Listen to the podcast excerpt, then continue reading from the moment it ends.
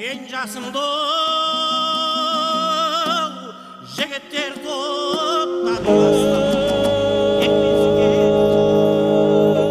арқалы таудың шыңындай алқалы топтың туындай болған жыршы жыраулар жайлы білгіңіз келсе қошан мұстафаұлының інжу маржан хабарын тыңдаңыздар.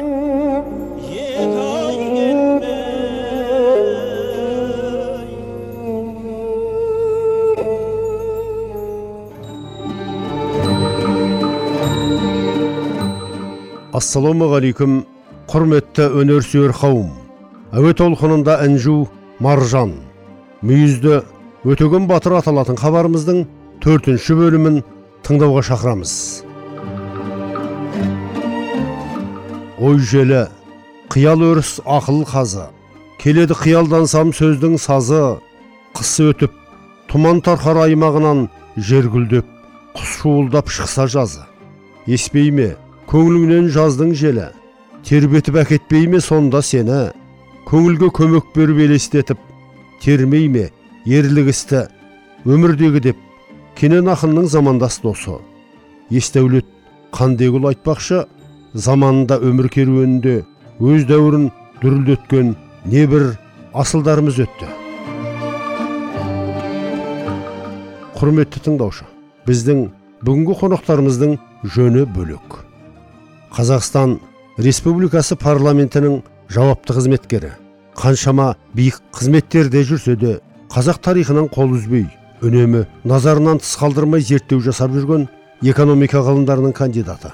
Абай тоқсаба мырзамен көнерген тарих беттерін ашып ақтабан ат мініп күрзі шоқпар сүйретіп жауының көк сауытын сөккен батыр бабалар сүрлеуіне түстік. Келмеске кеткен кеңес үкіметі қазақтың хандары би шешендері батырлар туралы мәліметтерді жарыққа шығаруға тыйым салғызғанын білесіз. Біраз тарихшыларымыз жазушыларымыз қуғын сүргін көрді. Біздер тек қазақтың қаһармандық эпостарындағы жауына жалғыз аттанып жау қамалының қақпасын бұзып ойран салған алпамыс ер тарғын қобыланды қамбар батырларды оқумен шектелдік. Тіпті ең жақын батыр бабаларымыз бен билерімізді мал шаруашылығын жетік меңгеріп еліне пана болған ұлы тұлғаларымызды білмей өстік. Бұл кеңестік саясат еді. Заманында қазақ қоғамында ірі деңгейде батырлар институты болған. Қазақ қоғамының батырлар институтының түп тамыры сонау сақ ғұн дәуірінен басталады. Ғұндар ұлы империя болды десек ұлы империяның негізгі іргетасын қалаған осы батырлар. Сондықтан қазақ қоғамындағы батырлар институтын әлеуметтік институт ретінде қарастырылуы бүгінгі таңда кенже қалып отыр. Батырлар институты он сегізінші ғасырда өзінің шарықтау деңгейіне жетті. Кез келген мемлекеттік құрылым мемлекеттік билік институттары сияқты батырлар институтының да пайда болуы генезисі эволюциясы яғни даму кезеңдері болған. Шын мәнінде қазақ қоғамындағы батырлар институтының өзіне тән жарғылары ережелері болған. Жауынгерлік өнердің ерекшелігі қару түрлерін меңгеру. Осы бес қаруды өз деңгейінде игеру оны құрметтеу қазақ батырларының ерекше дәстүрлерінің бір белгісі болса керек. Мысалы садақпен оқ ату бұл мергендіктің белгісі. Қылыш тасу найзаласуды меңгеру батырлық өнерді жетік меңгергендіктің дәлелі. Батыр деген атақ мұрагерлікпен берілмеген және жігіттердің бәрі бірдей ала бермеген. Ол үшін біріншіден ту ұстап жекпе жекке шығып қол бастап жауға шауып қарсыласқан жаудың шебін бұзу деген сияқты ережелерді орындаған адам ғана батыр болған. Мысалы соғыс алаңында екі жақ келісіп батырлар жекпе жегі алдын ала хабарланған дала заңы бойынша көп мәселелер жекпе жек арқылы шешілген. Жекпе жектің жеңу негізі ал маңызы екі жауласқан елдің арасында батырлар арқылы артық қан төгуді тоқтату. Жекпе жекте батыр жеңілгендігін мойындайтын болса онда ол жақтың бейбіт халқы қырылуынан аман қалған. Қазақ қоғамындағы батырлардың қалыптасуы атадан балаға жалғасқан дәстүр десек болады. Оның өзіне тән заңдылығы болған. Ол үшін ұлдың жанындай сүю керек антқа берік болу керек. Егер өліммен бетпе бет келсе оны тайсалмай қабылдау керек. Елім жерім деп еңіреген батырлардың соғыс алаңында шейіт болу да үлкен мәртебе деп есептелген. Осы деңгейде жеңілуді өлімді қабылдау батырдың намысының бедел абыройының бір белгісі деп айтуға болады. Міне қазақ батырларының ұлы қасиеттері. мың жеті жүз жиырма тоғызыншы жылы кейбір деректерде мың жеті жүз отызыншы жыл деп айтып жүрген аңырақай шайқасы қазақтың саяси және әскери бірлікке қол жеткізген біріккен қазақ қолының жоңғар башқыншылығына қарсы жүз жылдық азаттық соғысында бетбұрыс жасаған ең ірі теңдесі жоқ жеңісі деп білу керек. Осы ұрыста ұлы жүз қолын жолбарысхан мен төле би орта жүз қолын бас қолбасшы болып сайланған қаракерей қабанбай бөгенбай батырлар және бекжан батыр шақшақ жәнібек бөребай батыр кіші жүзді тамай есет шекті тайлақ тағы басқа батырлар басқарған. Соғыс қимылын үйлестіру міндеті батыр қазыбекбек тауасарұлына жүктелген. Қазақ садақшыларының жеке жасағына ошақты саңырақ батыр жетекшілік еткен. Шайқасқа болашақ қолбасшы шапырашты наурызбай да қатысып және көптеген қазақ батырлары соғыс жетік білетіндігін көрсетіп үлкен ерлік жасады. Аңырақай шайқасында дулат төле бидің інісі жаныс сеңкібай шойбек батырлардың қолында соғысқан абылайдың алғашқы рет аты шыққан кезі. Абылай ел аңыз етіп жүргенде жекпе жекте емес дода соғыста шарышты өлтірген жалпы соғыс тәртібі бойынша бас қолбасының алдын ала келісімсіз өз бетімен жекпе жекке шыға беруге рұқсат етілмеген өйткені оның үлкен жауапкершілігі бар еді осындай ірі қасиеттері мен жеңістерге ие қазақтың қаншама батырлары болды солардың қатарында төле бидің інісі жоңғар башқыншыларына қарсы күрескен батыр әрі қолбасшы өтеғұл ұлы мүйізді өтеген батырды жатқызуға болады батырлық бабасы сырымбеттен дарыған мүйізді өтеген батырдың әкесі өтеғұл да талай қанды жорықта бастан кешкен батыр адам ал шешесі нұрбала атақты қордай батырдың немересі еді осындай тектілерден жаралған өтеген де 15 жасында есімі елге танылып батыр атанды оның тарпаң есімді баласы мен шаншарат немересі де ел қорғап жауына найза түйреген белгілі батырлар. Қазақ шежіресіне сүйенсек мүйізді өтеген батырдың соңында ерлігімен қатар қосағал қостәуел асау ылау бердіс тарпақ базарбай аюса жақұлы төке тоқтарбай есімді балаларынан тараған үрім бұтағы қалды кешегі атақты байсерке күйші мен тілеміс шешен де мүйізді өтеген батырдың ұрпақтары. Әл фараби атындағы қазақ ұлттық университетінің ұстазы тарих ғылымдарының докторы қазақстан республикасы әлеуметтік ғылымдар академиясының академигі омарбеков талас мырзаға арнайы барып жолығып өтеген батыр бабамыздың сан салалы қырларына тоқталған едік. Біздің мыңдаған жылдарға созылатын тарихымызда есімі саяси оқиғаларға бағынбайтын дәуірдің ауысуына қарамайтын әртүрлі патшалар келгенін де ескермейтін. Ешқандай саяси бағаға мұқтаж емес халықтық тұлғалар бар. Халықтық ұлы тұлғалар бар.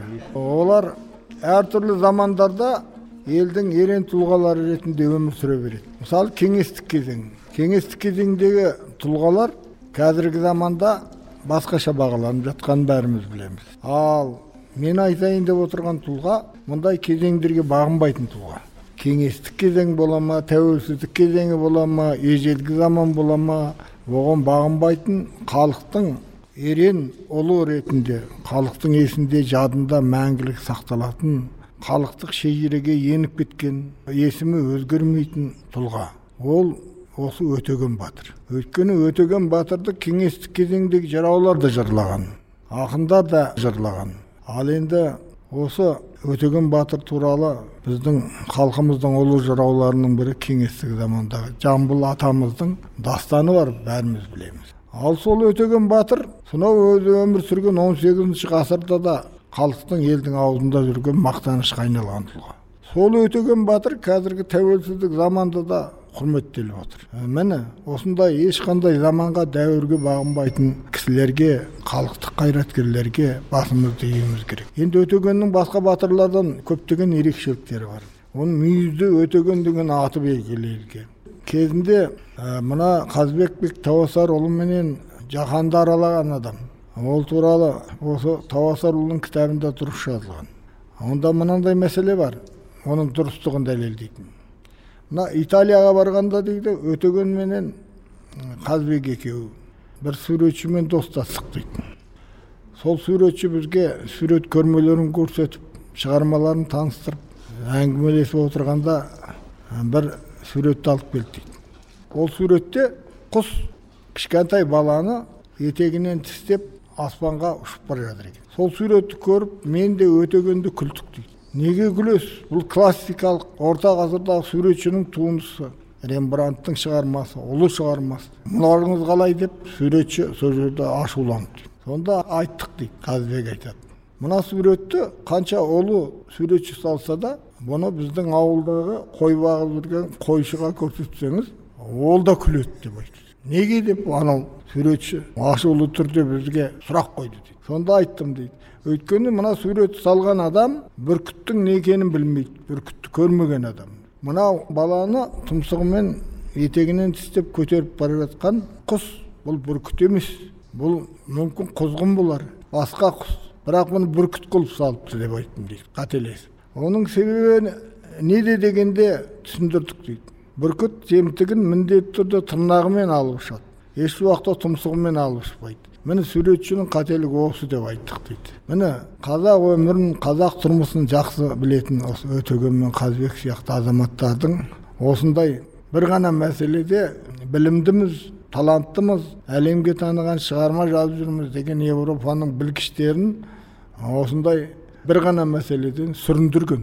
Ал енді өтеген әрине түркияны италияны еуропаны ресейді қазыбек бекпен бірге аралап екеуі қатты дос болған елге оралған кезде жоңғар шапқыншылығы басталды жоңғар шапқыншылығы бұрында болған бірақ бұлар сол шапқыншылықтың ең үлкен қауіпті кезеңіне тап болып екеуі де сауыт киіп батырға айлануға мәжбүр болды негізінде өтеген деген бұл біздің білуімізше деректер бойынша қазақтың кәдімгі қара баласы халқына еліне қызмет етіп жүрген қарапайым азамат. Батыр болайын қол басқарайын жаудың бетін қайтарайын деген алдында мақсат болмаған. Бірақ туған жерге қауіп төнген кезде барлығын жинап қойып сауыт киіп мұздай темір құрсанып атқа мініп жауға шапқан қол бастаған азамат. Ал енді өтеген туралы деректерде сонда айтылады ғой. Мұны тіптен кезінде жаулар тұтқындаған. Мына қытай аймағына барған кезде сол жерде ана қазақтың бұрын өзінің қазақ екенін жоғалтқан руларына кездескенін айтады. Өтегеннің өзі негізінде мына жақ қытай мына жақ еуропаны көрген жан жақты дүние танып кең азамат болған. Оны біз тек қана батыр деп қаласақ онда бұл тар мағынада айтылған болар еді. Ел басына күн туған кезде қазақтың осындай халықшыл туған жершіл елшіл азаматы батырға айланды қол бастады сондықтан да өтегенді құрметтеуге бәріміз міндеттіміз. Ол халықтың есінде сақталған халықтық шежіреде сақталған. Ондай азаматты қалай ұмытуға болады? Енді елім деп еңіреген тұлғасын ел қалай ұмытсын? Десек те мына өткен ғасырымызда соларды ұмыттыруға тырысқан уақыттардың болғаны жасырын емес қой аға. Сондай заман да болды мына кеңестік кезде. Батырларды көп айтуға болмайтын қандарды көп айтуға болмайтын заман болғанда тарихшылар мұндай тұлғаларды айналып кетуге тырысты ал енді қазіргі кезде құдайға шүкір мінекей еліміз тәуелсіздік алған заманда осындай жастарымызға рух беретін күш беретін өтеген сияқты тұлғаларды батырларды құрметтеп үлгі қылуымыз керек халықтың өз арасынан шыққан халықтық мүддеге адал болған жау шапқан кезде елді қорғап жерді қорғап соңынан азаматтарды ілестірген қол басқарған осындай батырларды неге құрметтемеске неге олардан үлгі алмасқа? Өйткені олардың рухы біздің болашағымыз. Олардың рухы біздің болашағымыз болатын себебі жастар осындай батырлардан үлгі алып өссе болашақ қазақстан жастары жақсы азамат нағыз отаншыл патриот болып өседі. Сондықтан да өтеген туралы айта беруіміз керек. Өтеген туралы жырлай беруіміз керек. Жамбыл атамыз өтеген жырын жазып беріп кетті ғой. Сол жырды жаттауымыз керек жастарға жаттатуымыз керек. Сол жолмен жүруіміз керек. Халықтың жасаған шежіресі бар. Ә, сол шежіреде өтегеннің аты тұр. Өтегеннен тараған әулет тұр ұрпақ тұр. Ә, оны да айта беруіміз керек оны да жаза беруіміз керек. Сонда ғана біз нағыз қазақ болып қаламыз. Нағыз ел боламыз. Сонда ғана басымыз бірігеді. Осыны ескеру керек. Ай сарғумандай алтынды өтеген алып жалқынды өтеген деді бұл екен айдаһардың сыйы екен. Беруге бізге сақтаған ізгілік достық істесек алтын күміс береді. Егер қастық істесек зұлымдық ұлын төгеді. Ізгі болсақ біз егер әділдіктің жолында еш уақытта болмаймыз зұлымдықтың торында халық үшін қасқанымыз аяусыз болсын жанымыз болысалық әр адам жетім жесір момынға еңбек еткен емеді еңбексіз жан өледі жалқау болсаң жабылып жұрт өзіңе күледі өтеген батыр атақты нөкерге осы сөзді айтты сөйтті де таудан тастардан асу асу асқарда кентаралға жол тартты кентарал деген босарал болып шықтау тасарал құмды сулы аралдан сусыз шөлді далада жігіттерін ерітіп өтеген кеттау жорытып аш бөрідей жаланған ай жігіттерін ерітіп өтеген кеттау жорытып аш бөрідей жаланған ай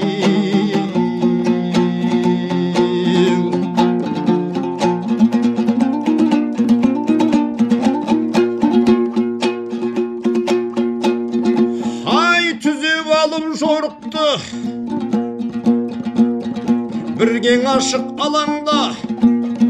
Қарағайдау қайыңды. Қара орманға жолықты. Қабағын жапқан қара орман. Келе жатқан бұрыннан. Ертегі әнін соғыпты. Қызыл іңір шық түсіп жер мұнартып өтеген батыр нөкер. Сол орманға қоныпты қара орман қалқып жайнады. От жағылып парлады. Қара қазан асылып оттан жалын шашылып ішінде қойдың сорпасы бұрқ бұрқ етіп қайнады.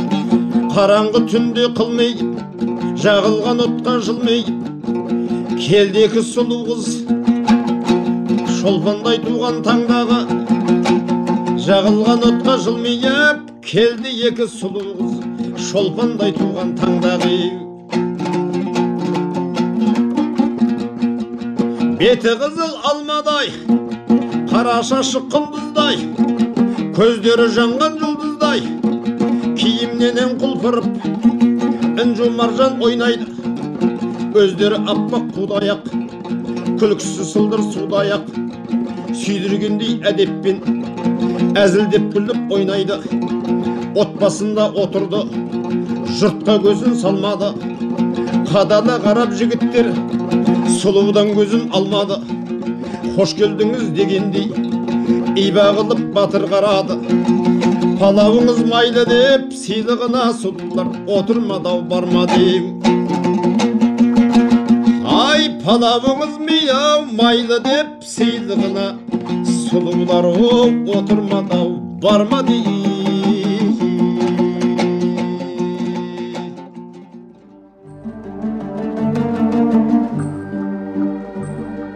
біздің келесі қонағымыз еңбек қызыл ту орденді қазақ ауыл шаруашылығы институтының түлегі. Заманында жамбыл облысы қордай шу аудандарын басқарған. Қазақстан республикасы парламенті төртінші шақырылымының депутаты креслосына да жайғасқан. Құрмет парасат ордендерінің иегері бүгінде зейнеткер құрманғали уәлиұлы. Аға қордай ауданында туып өстіңіз. Осы ауданды көп жыл басқардыңыз.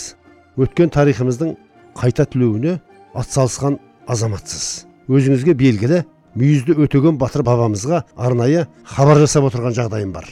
Ол кісіге бармас бұрын әруақ аттамай батырдың арғы бабасы ауданның атын алып тұрған тарихи тұлғаға тоқталсаңыз.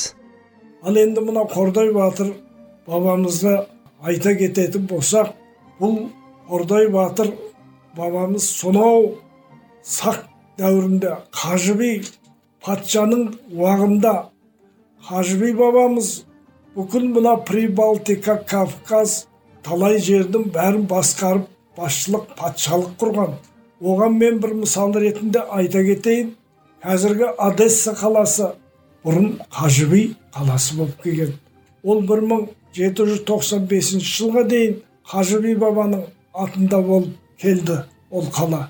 Кейіннен мынау орыстың патшасы үлкен порт жасаймыз деп генералдарының басқа бір нелерінің айтуымен атын өзгертіп одесса қылып өзгерді. Бірақ осы бүгінгі күнге дейін бұғаз бар жерде бұғаздың аты қажы би атында осы уақытқа дейін қажы би бұғаз деп сақталып қалды.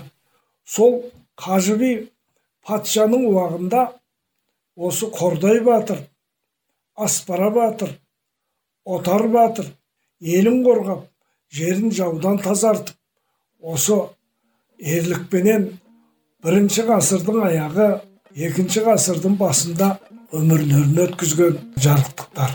Міне содан бері аты жоғалмай аты өшпей қордай батыр бабамыздың атындағы ауданымыз бар ауылымыз бар бәрі бар. Аға көпшілікке беймәлім ақпараттар айттыңыз. Есімдері ауыл. Аудан қала арқылы елге белгілі қордай аспара отар батыр бабаларымыз туралы да сөз қозғалды.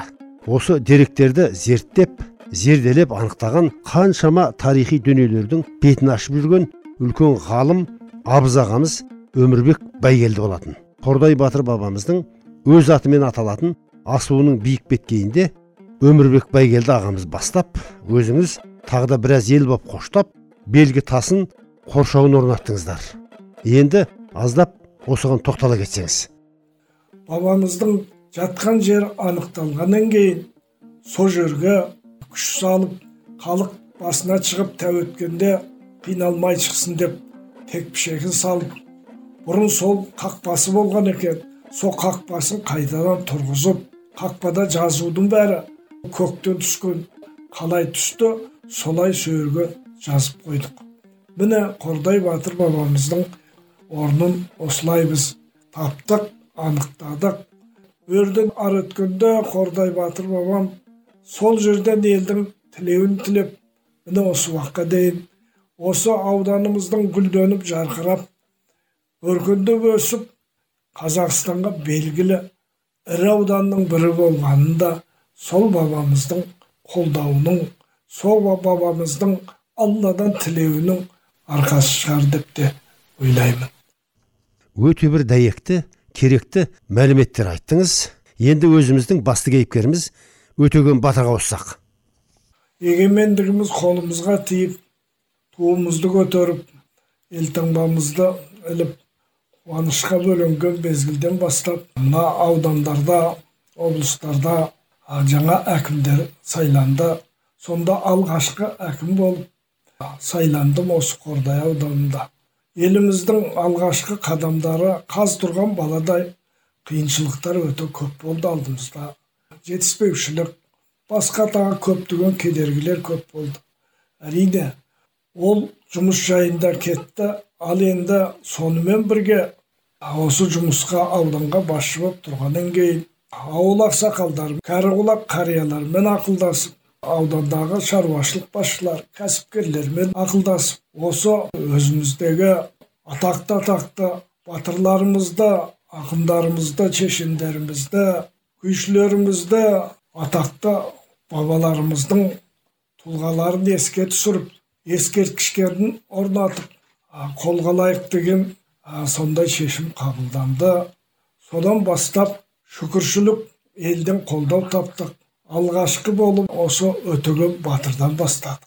Өтеген батыр бабамыз бұл ерекше алталашқа белгілі батырлардың қатарында жүрген ең жоғарғы батырлардың бірі. Сонысымен біз әрқашанда мақтана аламыз оны ауыз толтырып айта аламыз. Қарап тұрсаңыз сонау бір жазбалардан көрсек өтеғұл атамыздың сегіз баласының ішіндегі осы төртіншісі болған екен. Осы баланың бағытын байқап осы он жасынан бастап оқу іздеп сонау самарқан ары қарай ауғанстан одан ары стамбулға дейін барып кәдімгі италияға дейін сегіз тоғыз жыл сол оқу қуалап айланып елге оралған. Одан бастап елдің ішінде болып ол уақыттағы қырғын мынау жоңғар шапқыншылықтары қоқаңдап құтырып тұрған мезгіл сол уақытта сол мәселе ел қорғау мәселесіндегі өзінің көрнекті көрнекті айқастардағы көрсеткен ерліктері осы уақытқа дейін осы елдің аузында.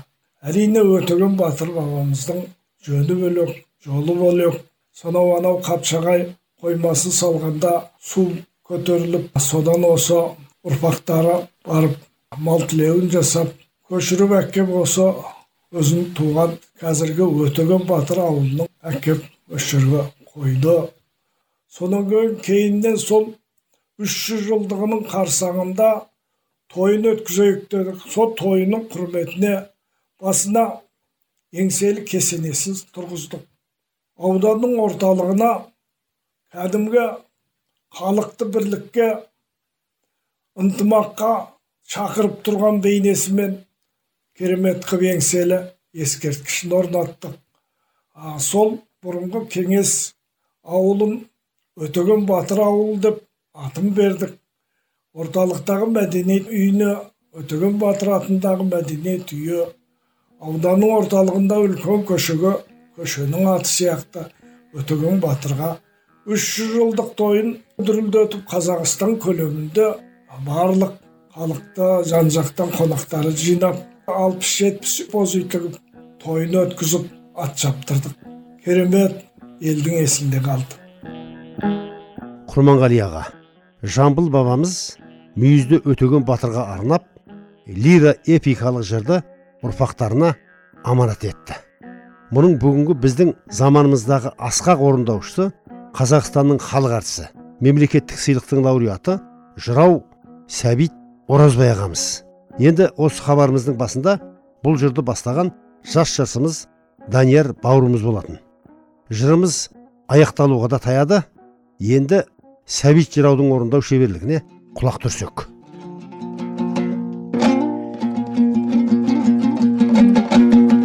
Еттің майын ағызып жігіттер құмар қанғызып ет жескенде сұлулар сыңқылдап күліп мазақтап көз астымен барлады.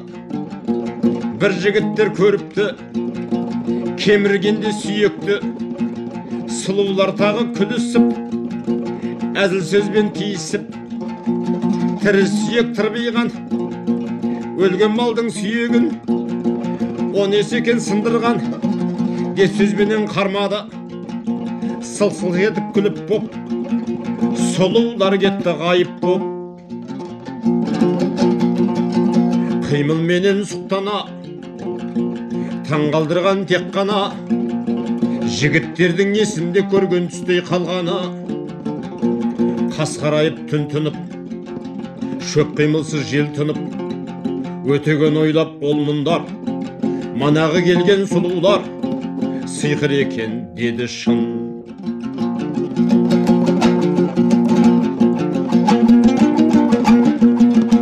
Ай ол жезтырнақ болғаны. Сұлу боп түнде жүргені сиқырлана күлгені.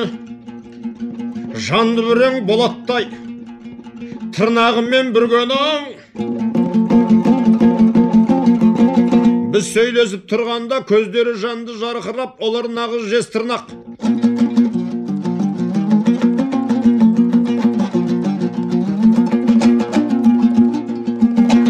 ай келгені бізді шолғалы жылмаңдаған жез тырнақ жауызырақ аңдардан. Түсер алмас біздерді сұмдығын оның аңғарам. Ағашты қойып еселей ұйықтап жатқан кісідей етіп басына ер жастап үстіне шапан жабамыз. Кісі екен деп ол келер бағып сондау алармыз. Ай деп жасырынып кетістау әр бұтақты сығалап жез тырнақтау күтісті. Түн түнеріп томсарып түннен түнек төгілді жүгіргендей сұр қасқыр көзге елестеп көрінді. Жұлдызда жоқ ай күңгірт қара бұлтқа көмілді өтеген күшті түрінде қарағайдың түбінде мылтығын оқтап кезеніп күш құрсатып керілді әлденелер қараңдап қараңғы түнде жарқырап шөктің басы қалтарып көрінді бір зат қылт етті ау сол арада ау тарс етті өтегеннің мылтығы мұрттай ұштау жезтырнақ ажалы жетіп бұрқырап қаны сулай төгілді. Таңертеңгі самалмен таң құстары сайрады. Жастанған ерде шапанда қарайып жерде қалмады. Үйген ағаш қатарда жамылдырған шапанда жесірнақпен быт шыт боп қалды тек жершандағы онан да асып құтылды. Жігіттер де жұтынды жорыққа тағы аттанды. Жесірнақта ұмтылды. Өзен дала тауларда орман тоғай бауларда. Көрінді көзге бұлдырап артта қалған сықылды. Желеңдеп тек жел ойнап дөңгеленіп көл ойнап көбікті теңіз толқыны. Жарына соғып бұлқынды. Қырық күн желау желеңдеп бұлқынып толқын елеңдеп жатқан қарап теңізге тіл қатпастан өтеген ау. Үдете берді ау. Жорту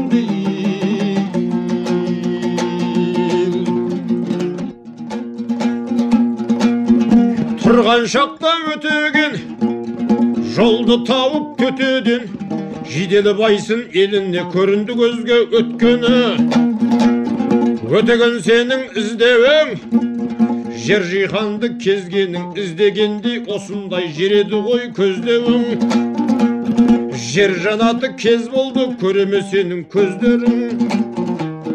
Өтеген түсіп өрім тал жанаттанып құлпыра шөбін иіскеп қарады. Жайлы ма деп жылқыға? Жылқыға жайлы емес деп қайтып келді ау жылқыны ақырғы демау біткендай састы батыр сарқылдай.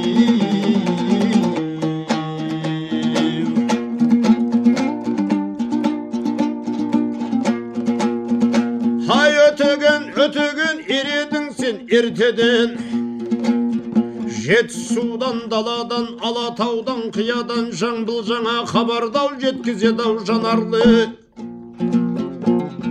жетісуға қарасаң көрер едің көз салсаң бақытынан нұр жауған көрер едің бақытты қазақстан халқынан бастап тияншан тауынан алатаудың бауырынан оларға дейін созылған шалқып жатқан аулыңнан көрер едің ел болып бағыңның нұры артылған. Қазақстан аймағы туын тігіп жайнады тудағы бүгін көремісің алтын орақ балған балған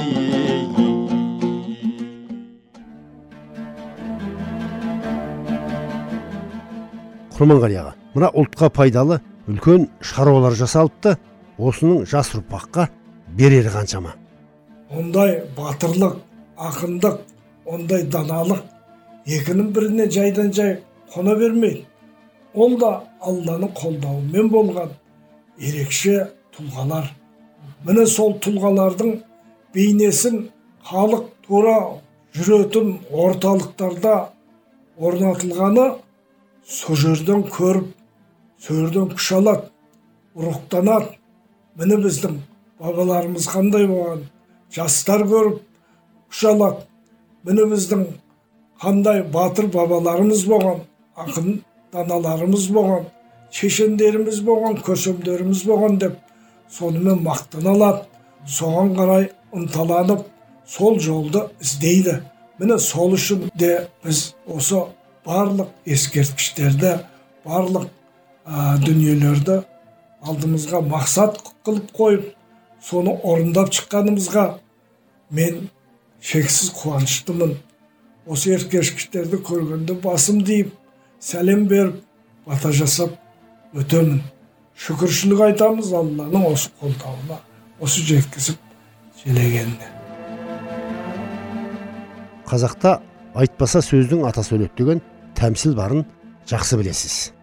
Қордай өңірінің атқа мінген азаматтарының құлағына алтын сырға. Өзіңіз көріп біліп отырған қазақ руханиятына өзіндік үлес қосқан. Өтеген батыр бабасына еңселі еңбек сіңірген. Жұмабай шаяхметұлының қызметтесі екінші дүниежүзілік соғысының ардагері қызыл жұлдыз орденінің иегері өмірқұл құлшықов ақсақалға қордай ауданының орталығынан немесе өз туған ауылдан бір көше берілсе құба болар еді деп ойлап отырмын аға.